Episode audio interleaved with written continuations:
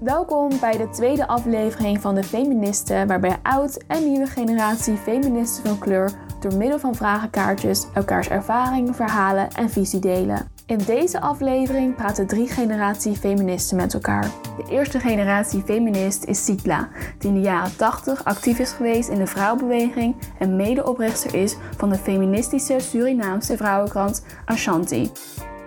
De tweede generatie feminist is Pravidi. Zij is activist en artiest en zet haar kunst in om bij te dragen aan sociale verandering en strijdt net zoals haar moeder Sitla voor een inclusievere samenleving. En dan de jongste feminist Ambrien, die seksuele straatintimidatie aankaart via haar Instagram-account Catcalls of Amsterdam.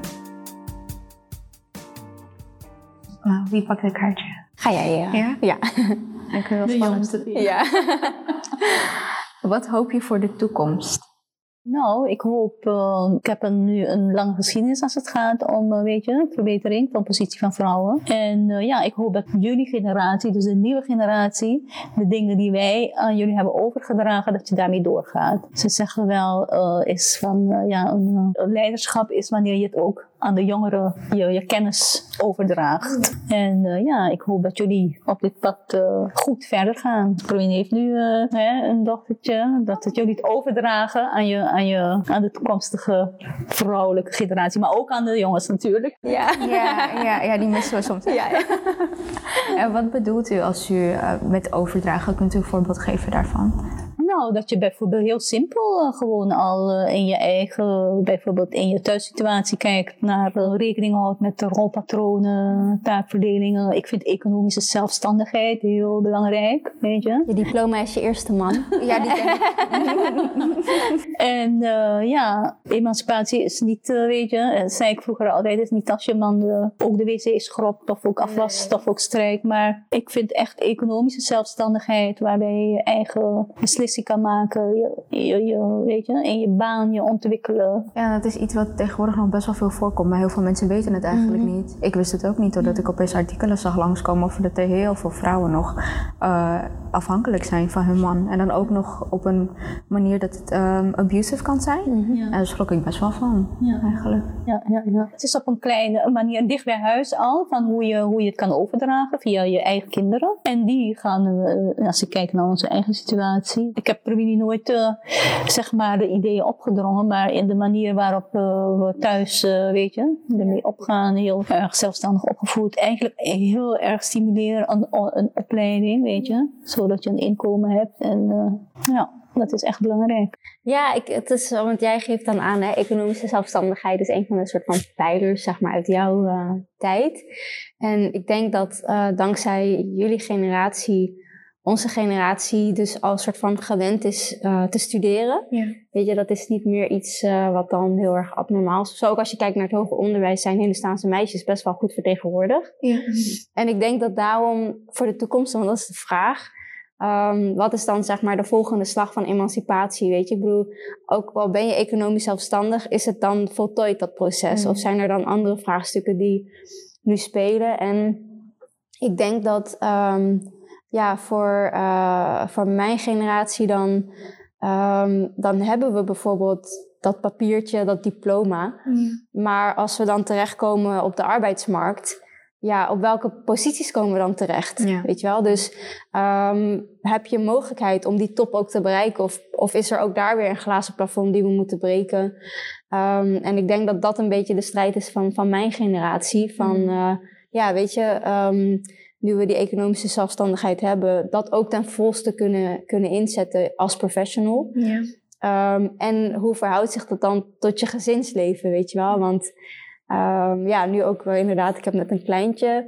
Dat is ook weer opnieuw, zeg maar, je eigen balans vinden. Want je werk is belangrijk, maar dat mag niet ten koste, je gezin mag niet ten koste gaan van, van je werk. Dus ik denk dat dat een beetje, ja, dus voor de toekomst um, hoop ik dat we ook dat plafond kunnen doorbreken. Ja, ja, het is wel een lastige, want het plafond moest eerst doorbroken worden voor niet alleen voor witte vrouwen, ja, maar ook nog voor vrouwen ja, van ja, kleur. Dus ja, het is precies. een dubbele uh, task, om het even zo te zeggen. Ja, ja, ja. Want je ziet eigenlijk in de samenleving nog steeds, uh, elke keer zie je weer in de media, weet je, uh, vrouwen in leidinggevende posities, nou dat kan nog wel uh, heel weet je, veel uh, kan er nog aan gedaan worden. Ja, klopt. En hoe zie jij de toekomst? Ja, ik vind het best wel een lastige vraag. Want zelf ben ik natuurlijk heel erg betrokken met het op straat en de intimidatie. En gewoon um, ja, meer naar het, hoe zeg je dat? Het gezien worden als een object. Mhm. Maar er zijn zoveel dingen die nog verbeterd moeten worden dat ik het eigenlijk niet eens kan verwoorden. Als ik kijk naar straat, denk ik eerder aan ja ze denken wel aan bijvoorbeeld een wet, maar hoe wil je zoiets gaan controleren? Het naroepen, het nafluiten. Er is een wet tegen de kont knijpen, maar daar wordt niks mee gedaan. Sommige agenten weten niet eens dat het bestaat, bijvoorbeeld. Dat ik ook niet eerlijk um, gezegd. Nee, precies. Oh, dat is alleen in Amsterdam trouwens, dus mm. dat wel. Maar voor mij is de toekomst... Ja, ik hoop eigenlijk gewoon echt dat het niet... Dat als ik kinderen krijg ooit, dat zij het liefst helemaal niet meer moeten vechten, maar niet zo hard als dat wij hoeven. En dan mm. ook nog eens als vrouw van kleur. Ik ben ook nog islamitisch, dus ook nog als een vrouw die islamitisch is. Wat als mm. mijn kind ervoor kiest om hoofddoek te dragen. Dat soort dingen ook nog. Dus ik, uh, ik vind het echt een lastige vraag. Ik hoop heel veel. Ik hoop gewoon dat het een wereld is zoals het hoort te zijn. En dat niet meer gekeken wordt naar um, ja, kleur voornamelijk.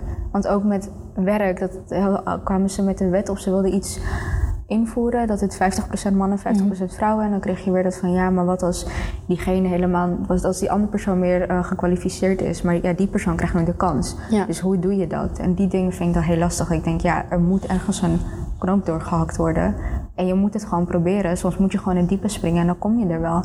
Maar dat, dat, dat durven ze niet. En dat geldt met heel veel van deze dingen. Ja. Dus ik, het komt echt, voor mij begint het heel erg persoonlijk in maatschappij buiten. Want dat is de basic level. En dan hopelijk verder ja. denk ik. Ja. Ik ben ook wel benieuwd, want we hebben het nu over zeg maar, het glazen plafond überhaupt voor vrouwen. Hè? En dan als we het hebben over vrouwen, dan weten wij dat wij ook vrouwen van kleur bedoelen. Maar witte vrouwen weten dat niet altijd. En ik weet dat jij daar natuurlijk in jouw generatie ook mee te maken had van hoe jullie je verhouden tot witte feministen. Dus hoe, hoe heb jij dat beleefd? Ik ben uh, dus eigenlijk in de jaren, midden jaren 70 uh, eh, actief geworden, begin jaren 80 in de vrouwenbeweging. En ja, dat toen was er eigenlijk de tweede feministische golf. En dat straalde ook uit naar de zwarte vrouwen hier uh, in Nederland. En uh, ja, ik zat in die tijd op de Sociale Academie. En daar kregen we bijvoorbeeld het boek te lezen van Anja Meulenbelt, Socialisme en Feminisme. maar van daaruit begon toch wel een bepaalde bewustwording. vanuit die academie, weet je, kwam ik terecht in vrouwenhuis. en toen ik afstudeerde, werd ik dus emancipatiewerkster. En kreeg best wel overzicht over het hele veld. kwam veel met de witte vrouwbeweging uh, in aanraking. En uh, ja, wat je daar zag, dat de zwarte vrouwen zeiden op een gegeven moment van ja, zwarte vrouwen hebben best ook wel andere, hebben andere problemen dan uh, witte vrouwen. Ik bedoel, vrouwen van kleur. witte vrouwen ervaren geen racisme op de arbeidsmarkt, op straat. dat geldt eigenlijk nu ook nog wel in die sociale bewegingen. Van dat het altijd, als je op een bijeenkomst zou zijn, een gemengde bijeenkomst, hebben de witte vrouwen altijd het hoogste woord. Of zij nemen altijd eerst het woord. En ja, op een gegeven moment hadden we daar een beetje genoeg van. En ja, toen gingen we, gingen, we vonden het ook belangrijk dat je je eigen, in je eigen kring uh, weet je, organiseert. Omdat je daar, ja, jullie noemen het nu safe spaces. Dus vrouwgroepen waren in die tijd plekken waar je gewoon je zorgen bij wijze van spreken kwijt kon. En zeg maar kracht kon vinden om, weet je, om verder te gaan in de dingen die je dagelijks als vrouw tegenkwam. Maar ja, qua witte vrouwbeweging, ja, het ik bedoel, zij hebben natuurlijk heel veel bereikt. Ik bedoel, wij gingen bijvoorbeeld mee in de anti-abortus of de abortusdemonstraties, weet je. Ja, we hebben best wel heel veel met ze opgetrokken. Maar wat wij deden is eigenlijk hun uh, dingen die we daar leerden vertalen mhm. naar de zwarte vrouwenbeweging. Binnen je eigen, uh, weet je, binnen die zwarte vrouwenbeweging jezelf organiseren, maar ook de stap maken naar die maatschappelijke onderwerpen, dus uh, discriminatie arbeidsmarkt, waarbij wij discriminatie op de arbeidsmarkt natuurlijk naar voren brachten. Om die dingen, weet je, samen met hun aan de orde te stellen. Ja. Maar waarbij we wel wezen op van, hé, hey, dit is wat er speelt in die zwarte emigranten vrouwenbeweging, lage opleidingen, weet je, weinig opgeleid en eh, wat hebben we dan nodig. Maar die witte vrouwen bereikten die zwarte vrouwen niet, Mm. waar wij mee te maken eh, kregen. En eh, ja, wij vertaalden eigenlijk zeg maar vrouwenemancipatie naar onze eigen communities. Maar zo, dat werd ons niet altijd in, in onze eigen gemeenschap niet altijd in dank, af, niet in dank afgenomen. We, ze zeggen, we zeiden van ja, we brengen vrouwen ertoe om te gaan scheiden of rolpatronen ter discussie te stellen. Vrouwen, als ze een eigen inkomen hadden, dan hadden ze ook wat in te brengen thuis. Weet je, het was niet meer de man die alleen het geld verdiende, Ja. maar zij ook. Best wel spanningen met zich mee hoor, soms. Ja, kan ik me wel voorstellen, maar voornamelijk als we dan kijken naar alleen de Hindustaanse gemeenschap, daar is, het, daar is die druk nog wat hoger dan als je zou kijken naar de witte gemeenschap als het aankomt tot rolverdeling. Tuurlijk, het is er daar ook, maar hier is het toch wel wat, Ja. ja, ik weet niet hoe ik hem moet uitleggen. Er, er is een extra druk Het op. is traditioneel. Ja, precies. Ja. Maar ja, ik bedoel, en seksueel geweld, eh, ja, vrouwenmishandeling. Ik bedoel, in die tijd toen ik bijvoorbeeld emancipatiewerkster was, zaten de blijf van lijfhuizen vol met zwarte vrouwen. En als jij zegt zwarte vrouwen, dan bedoel jij dan zeg maar etnisch of politiek zwart? Politiek zwart. Dus iedereen, alle vrouwen die niet wit waren eigenlijk, in die tijd identificeerden zich als zwart. Maar dat was in die tijd. Maar in, nu bijvoorbeeld komen, zeg maar, vrouwen, heb je nu echt wel, eh, zeg maar, het identiteitsdenken. En merk jij dat nu nog over dat zeg maar wit feminisme, gekleurd feminisme? Ja, ik, ik merk dat ehm, ehm, wit überhaupt, eh, of je nou eh, vrouw bent of niet, zit in een soort bewustwordingsproces van, oh, er is een koloniaal verleden dat ons heeft gevormd. Weet je? En ehm, oh, eh, wij zijn inderdaad de norm en de meerderheid. En er zijn ook nog andere perspectieven. Dus ik denk dat er een soort van collectief bewustwordingsproces is, waarvan ik niet weet of dat al zeg maar in, in jouw tijd gebeurde. Maar bijvoorbeeld de hele discussie omtrent Zwarte Piet. Ik weet dat jullie generatie was daar ook al mee bezig. De jongeren van nu die zijn veel harder eh, opgetreden dan wij eh, toen. Ja, jij hebt het over eh, koloniaal verleden. Nou ja, wij, hadden het, wij dachten toen meer. Want vanuit Ashanti waren we eigenlijk waren heel veel vrouwen die actief waren in de linkse beweging, in de Surinaamse linkse beweging. En daar werd je geschoold in machtsverschillen, dat het daar ging om klassenstrijd. En in die context waren we wel, eh, weet je, bezig met de decolonisatie. Maar je noemde het niet zo nog. Nee, het- er was natuurlijk, eh, weet je, er werd eh, gepraat, weet je, al die, die landen die in onze tijd, weet je, die hadden net de, hun onafhankelijkheid achter de rug. Die waren bezig met decolonisatie. En dat speelde wel door. In, bijvoorbeeld in onze krant besteden we altijd aandacht aan vrouwen. We hadden een rubriek internationaal en daar hadden het, besteden we aandacht aan vrouwen in de derde wereldlanden. Hun positie en oké, wat waren de problemen waar wij, zij tegenaan liepen en hoe konden wij dat eventueel steunen, waar mogelijk. Ons realiserende dat, er, eh, ja, dat wij in het rijke Westen woonden maar dat we ook daar vandaan kwamen. En eh, in Nederland was er een hele solidariteitsbeweging, eh, bijvoorbeeld met Suriname. En eh, ja, ik bedoel, er waren heel veel, eh, overal in de wereld eh, was men bezig met veranderingen, weet je. En ja, dus in die zin waren we wel bezig al met, met kolonialisme. Dat is inderdaad ook heel internationaal, hè?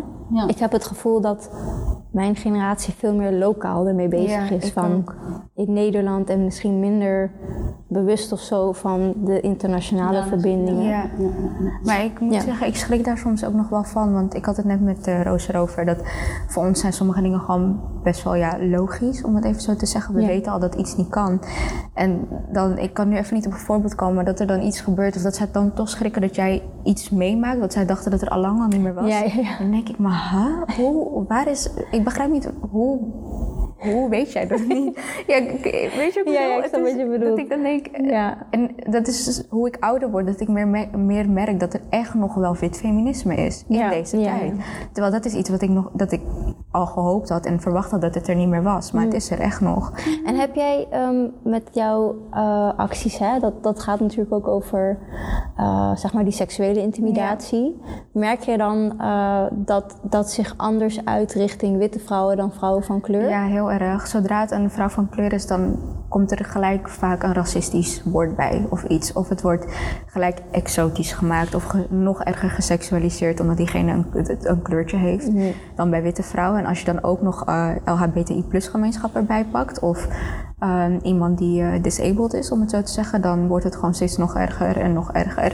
Het is grappig hoe ik daar ook een soort ja, uh, verhouding in zie, een soort mm verdeeldheid qua, jij bent blond, het enige wat je dan kan horen is misschien blonde stoephoer. Mm Zodra je een kleurtje hebt is het coolie of exotisch of bruine suiker, um, je bent in de staanstoch, ik weet al hoe ik je moet behandelen, dat soort dingen. Dat is, vanaf dat moment toen realiseerde ik me eigenlijk van, oh, het is er nog heel erg. En dat komt vanuit mannen, vrouwen, non-binaire personen, komt vanuit alles en iedereen, niet alleen uh, vanuit de mannen zelf, merk ik. Want witte vrouwen hebben heel vaak ook nog dat. Um, wat was het laatst? Ik kwam er laatst achter dat in een verslag van de gemeente werd gezegd dat uh, vrouwen van kleur minder straatintimidatie meemaakten. En ik werd boos. Mm. Ik dacht echt, oh, jullie hebben je onderzoek niet goed gedaan. Want wij mhm. maken het meer mee mhm. en op een hogere drempel. Want naroepen is niet alleen iets wat je complimenteus kan opvatten, maar het zijn ook racistische dingen. En die horen we genoeg. Ja. Dus ik merk, ja, ik merk dat wat betreft dat merk ik ook heel veel. Ja. Zullen wij een volgende kaart pakken? Wil jij pakken? Waar haal jij jouw inspiratie vandaan? Ashanti. Goed antwoord. Ja, ik, uh, uit mijn gezin. Ik bedoel, uh, we hebben, ik heb twee uh, kinderen. En nou ja, we hebben ze beide opgevoed om zich ook in dat maatschappelijk gebeuren, hoe heet het, te bewegen.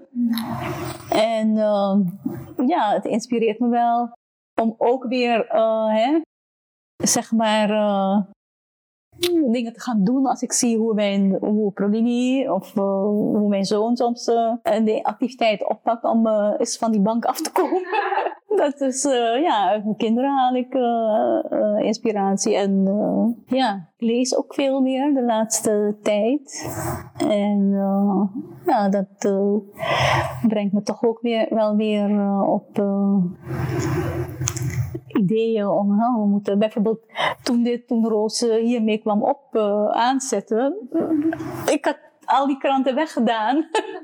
Ik was boos. Ik zei, je hebt gewoon je treasure weggedaan. En dan moeten wij, nu moeten wij naar een wit instituut, naar de oh bibliotheek, om ons verhaal te halen. Dan ben ik het, het gaan afstoffen in mijn hoofd. En nou, toen gingen we uit wat zelf, wat we allemaal gedaan hadden, weer inspiratie putten.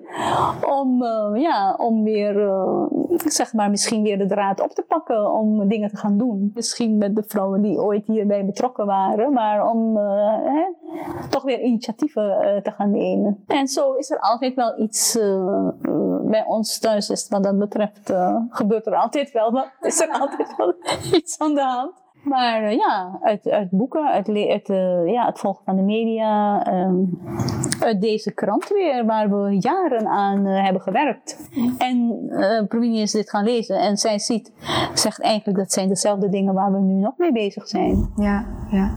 En jij?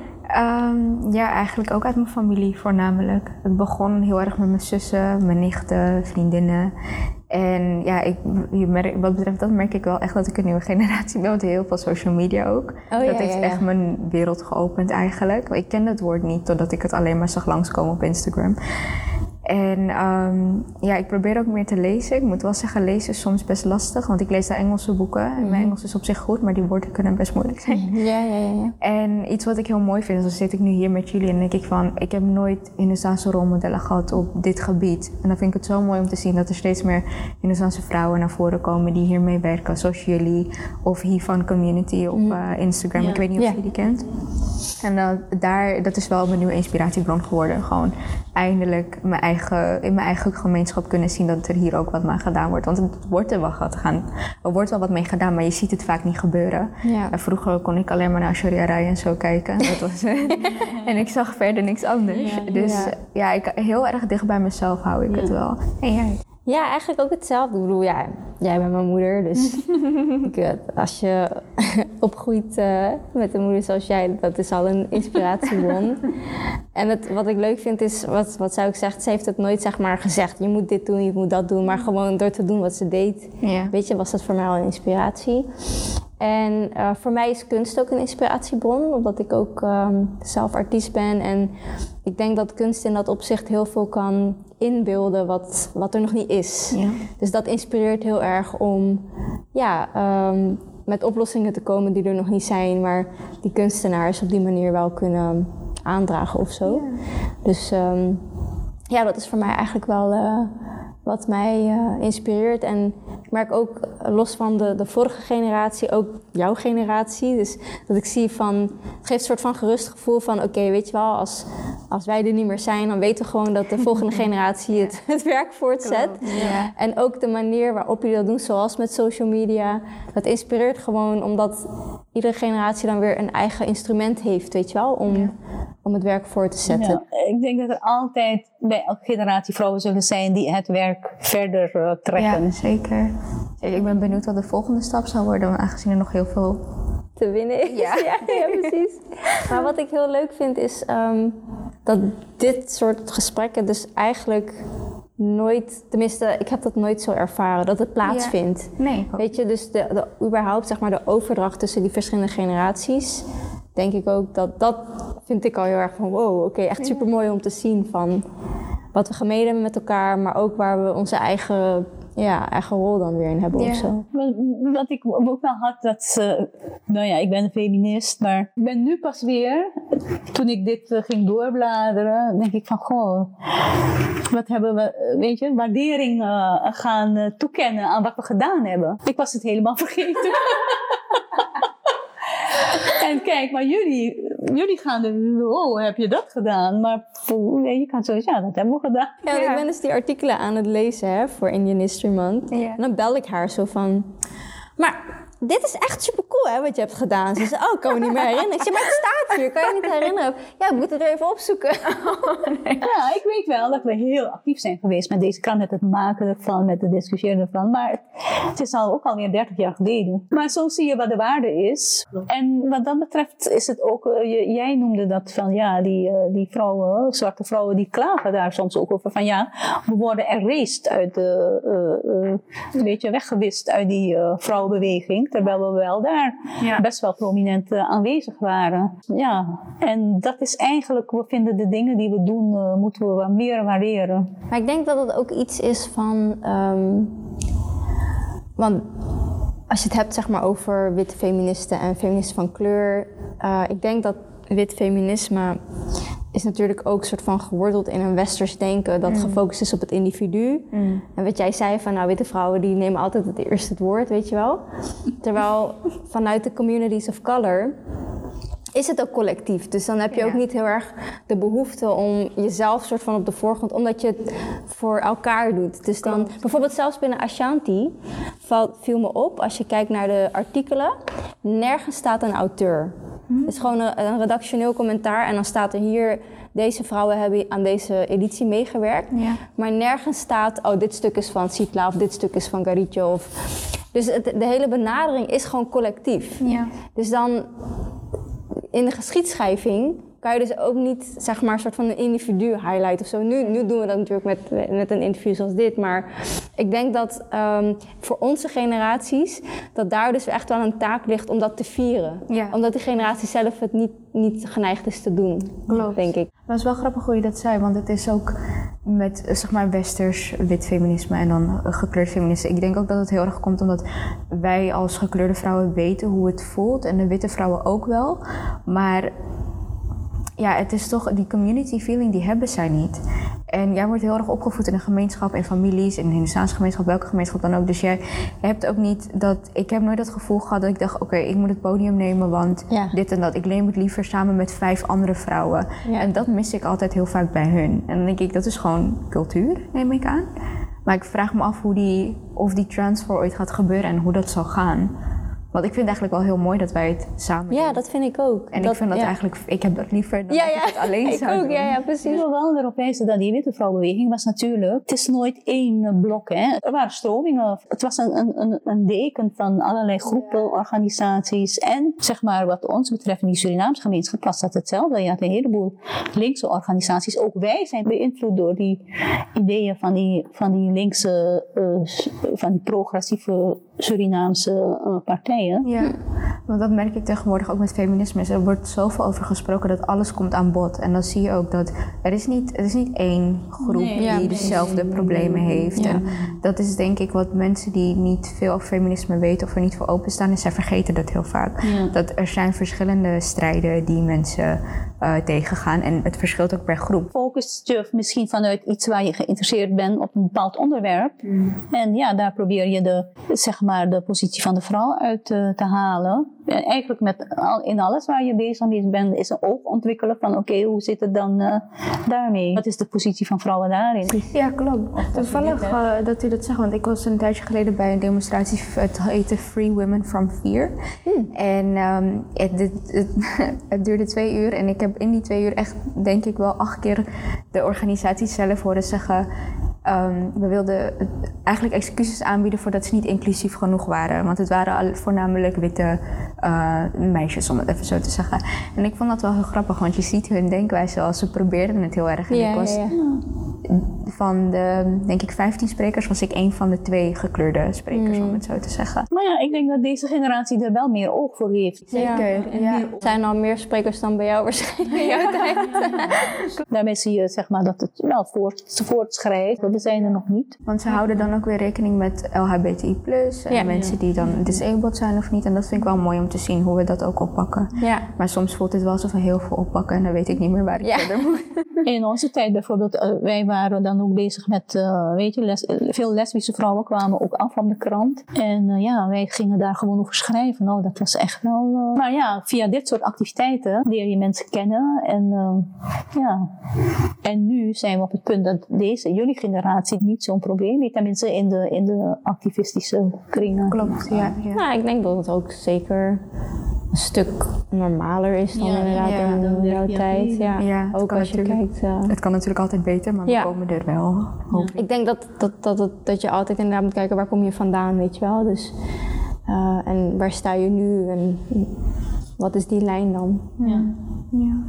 Als ik vertel van, hé, hey, Indianisme staat nu een teken van Ashanti en dat Mhm. was een progressieve, feministische ehm, vrouwenkrant uit de jaren tachtig, dan hoor ik van, hè, was dat er? Oh my god. En dan weet je dat je een soort van verborgen schat van, oh wauw. ehm, En toen Roos het me ook vertelde, zei ik ook, huh? ja, ja, ja. Want, eh, zoals zij zei, die representatie van in de, in de Hindoestaanse gemeenschap heb ik heel erg gemist. Tuurlijk, mijn moeder was mijn inspiratie en mijn rolmodel. Maar activisten... Pu- In publieke domein. Ja, eh, precies. Ja. En ik denk dat, ja, het is ook ik, ik en ik zei tegen haar van, oké, ik ben jouw dochter. en ik wist het niet eens, dus daar is wel echt iets misgegaan. maar goed, anyway, we proberen het nu goed te maken. En dan Ja. met Indianisme gaan we gewoon echt een mooi eerbetoon eh, bieden. Maar ik zei Ja. van, dat is pas het begin. We gaan echt, Ja, ja, zeker. weet je, dit, dit opent weer zeg maar een hele nieuwe deur, denk ik. Ja, ik hoop Maar, ook echt ehm, dat jullie er ja. veel meer mee kunnen. Ja, nee, en kijk, ook dit soort gesprekken, weet je, en de connectie met jou, weet jij zegt van, hé, ik wil graag, eh, laat me weten als ik iets ja, wil doen. zeker. Weet je, dat is eigenlijk ook het, het doel van Ashanti, is natuurlijk om Ja. te connecten en zo. Dus ehm, ze doet nog steeds haar werk. Alright. Oh, wat is jouw visie? Ja, ik zie mijn activisme heel erg als doen. Dus het is wel op social media, maar ik hou meer van het echt naar buiten gaan en jammer genoeg neerkrijten van hele lelijke woorden. Eh, ja, oh, dat vind ik wel een lastige eigenlijk. Hoe, hoe ben je daarop gekomen om dat te doen? Nou, het is niet mijn idee. Het begon in New York. Ik kwam daar, ik, wanneer was het? 2016, 17. Toen was ik gewoon een keertje op Instagram en toen zag ik het dus. En ik zag een foto en het, was, het kwam erop neer dat een ehm, man van 25, volgens mij zei tegen een 12-jarig meisje: Tegen de tijd dat je 18 bent, dan ga ik van alles en nog wat met je doen. Oh my god. Ja, en het eerste wat ik dacht was, oh tof, dat lijkt op eh, street art. En binnen een seconde toen ik het las, dacht ik, wow, wacht even. En toen maakte ik dus de connectie van mijn zussen, mijn nichten en vriendinnen, want ik wist dat hun het heel veel meemaakten. Ik was toen 15 en ik had het zelf meegemaakt toen ik 13 was één keer. Maar dat was een beetje een onschuldige van, hé hey schatje, kom eens naar hier. En ik wist totaal niet wat dat was. Maar ik kreeg in één keer alsof het alsof dat mijn pad was die was uitgestippeld. Dat 14 kwam ik achter feminisme, 15 dat was mijn roeping. Ik moest het gewoon doen. En het is mijn meest impulsieve keuze ooit, met de toestemming van Sophie van New York. En, uh, ik oh, je hebt echt haar toestemming gevraagd om het hier te kunnen doen? Ja, en uh, ja, nu is zij dan vijf jaar later verder en zijn we met meer dan 160 accounts over de hele wereld. Oh, oh het is echt een, een beweging ja, internationaal? Ja, we zijn ook al een aantal maanden uitgeroepen tot echt een organisatie. Oh, we kunnen funding krijgen. Dus uh, ja, het gaat best goed. En uh, het is iets wat ik, ik, ik, wil er niet mijn hele leven mee doorgaan. Ik hoop dat ik het hier aan, aan een andere generatie het stokje kan doorgeven. Mm -hmm. En dat ik zelf kan focussen op um, uh, meer op scholen.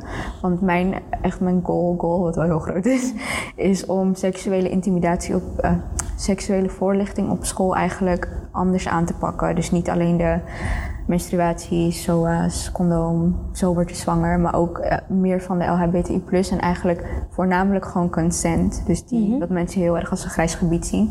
En daarin dit alles meenemen, want op school verwacht je dat je dingen meekrijgt die je later nodig hebt, wat ook wel zo is. Maar je mist een heel groot stuk van sociaal leven. En ik merk dat, we hadden het er met jongeren toen over via het Instagram. En je merkt gewoon dat zij echt behoefte hebben aan meer gesprekken hierover. En om echt alles erin meenemen, wat natuurlijk wat veel is. Dus of dat gaat lukken is uh, lastig. Maar uh, ja, dat eigenlijk. Nice. Dus uh, ik ben nu al drie, vier jaar ermee bezig. En het gaat nog wel even duren. maar ja, zo. Ja. Jouw visie? Mijn visie? Nou, dat staat uitgebreid in de krant aangegeven. Maar goed, visie is zo breed, hè. Ik bedoel, uh, ja, je kan visie hebben met vrouwen op de arbeidsmarkt, uh, weet je.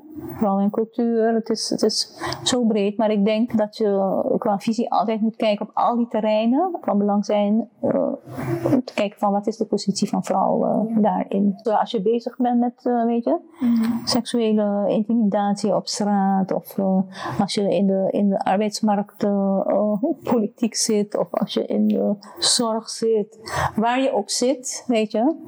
Kijk altijd met een vrouwenoog ernaar. Ja. Dus uh, ja, seksualiteit waar jij mee bezig bent, is in de kunst, weet je. Maar documentaires waarin ze eigenlijk de ongelijkheid, weet je, eigenlijk de geschiedenis van kolonialisme eigenlijk aan de orde stelt. En hoe dat nu nog doorwerkt. Dus iedereen, denk ik, op zijn eigen terrein kan daar iets mee doen met de positie van vrouwen. En jouw visie? Ja, mijn visie.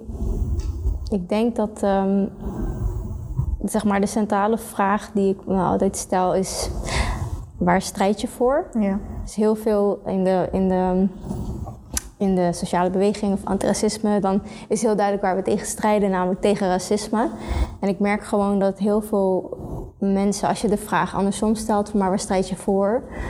Ja, dat is een samenleving zonder racisme, maar hoe ziet dat er dan uit? Ja. Want dat betekent dat wij als bijvoorbeeld vrouwen van kleur, met die, diezelfde witte vrouwen die wij nu bekritiseren, ja, daar gaan we mee samenleven in harmonie. Ja. Weet je, dus daar, daar moeten we ook visie op vormen van hoe ziet dat er dan uit en hoe geven we het verleden dan een plek in het heden mm. en hoe maken we dan, hoe gaan we samen dan die toekomst in? Ja. Um, en ik denk dat, uh, dat we dat, ja, dat moeten we uitvogelen. Weet je, ik heb daar geen antwoord op, maar de visie is wel dat, dat het raciale denken, ja, dat dat onderdeel is van het verleden. En dat, dat we trots mogen zijn op waar we vandaan komen. Maar dat dat niet betekent dat we dus niet connecten met allerlei andere mensen uit andere culturen. Inclusief mensen uit de gemeenschap die ons voorheen onderdrukt hebben. Ja. Tenminste, dat in, de, in de toekomst is Ja. dan dat het idee. Um, dus daar, ja, daar, uh, dat hou ik eigenlijk continu in gedachten. En ik merk dat het soms, in, tenminste daar had ik vroeger veel meer last van dan nu, maar ik merk wel in heel veel activistische kringen dat mensen daar soms nog wel moeite mee hebben, is dat je soms uh, mensen verward met macht. Hè? Dus dat, Mm.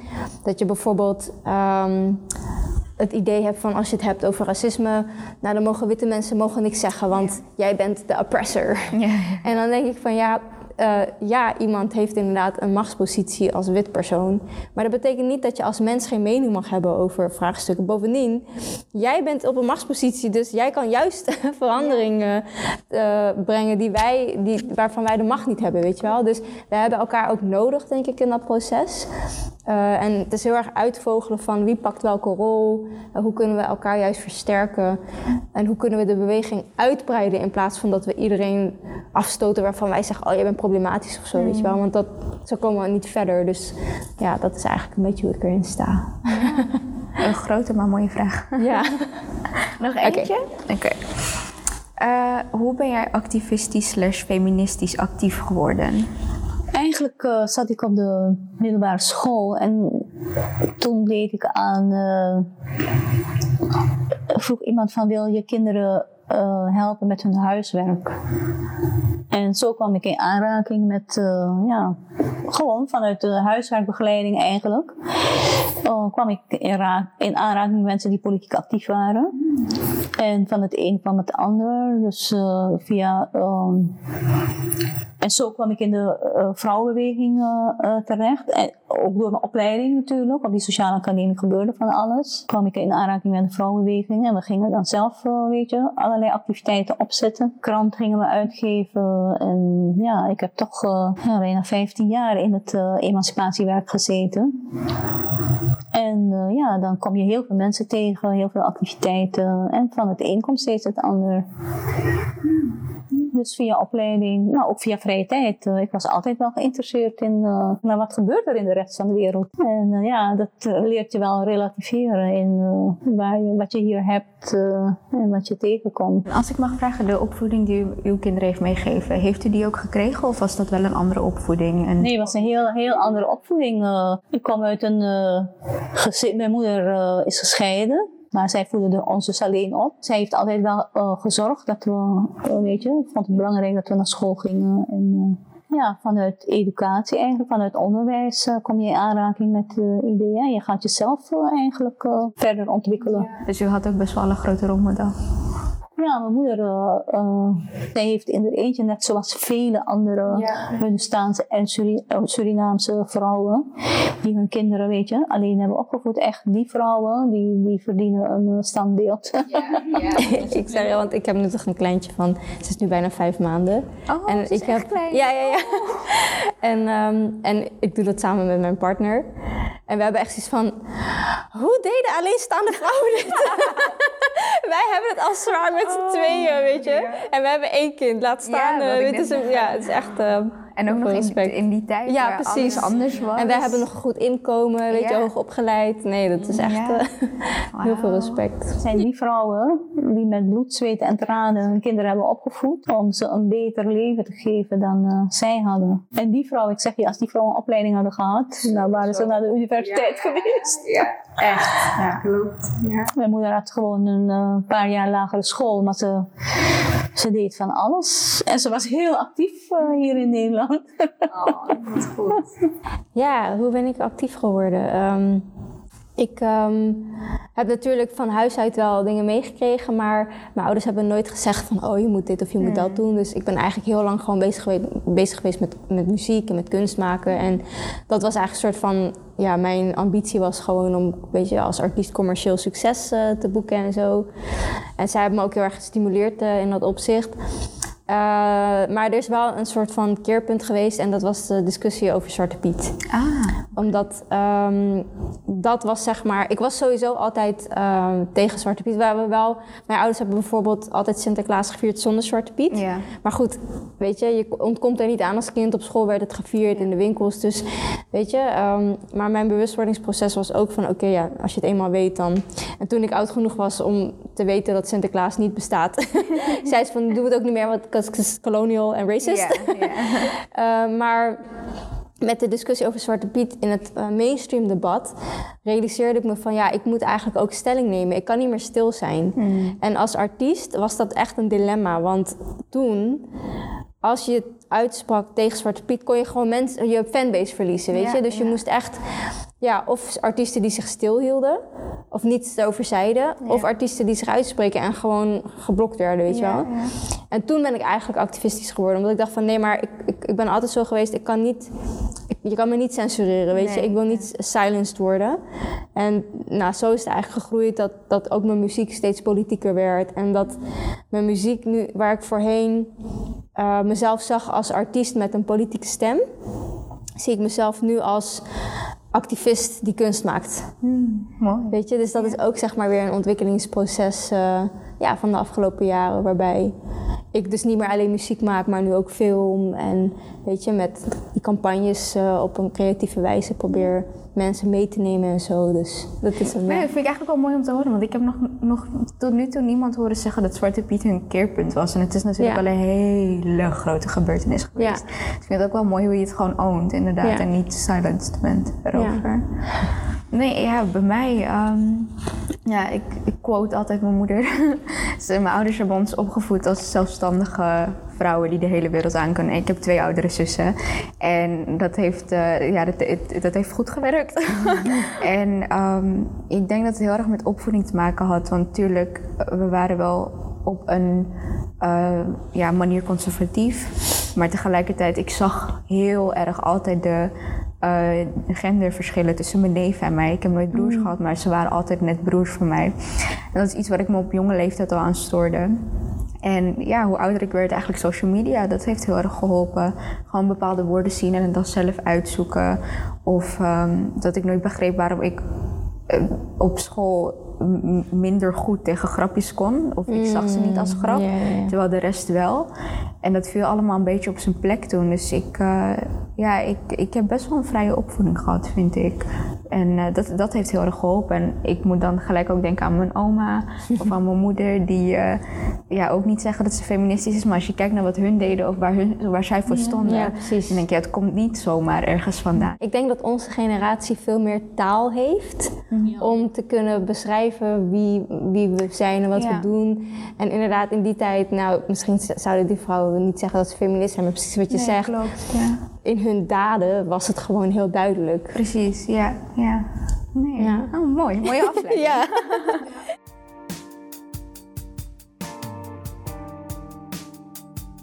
Lieve luisteraars, bedankt voor het luisteren naar de tweede aflevering. Meer weten over feministen van kleur in de jaren 60, 70 en 80? Bekijk dan het Instagram-account De Feministen.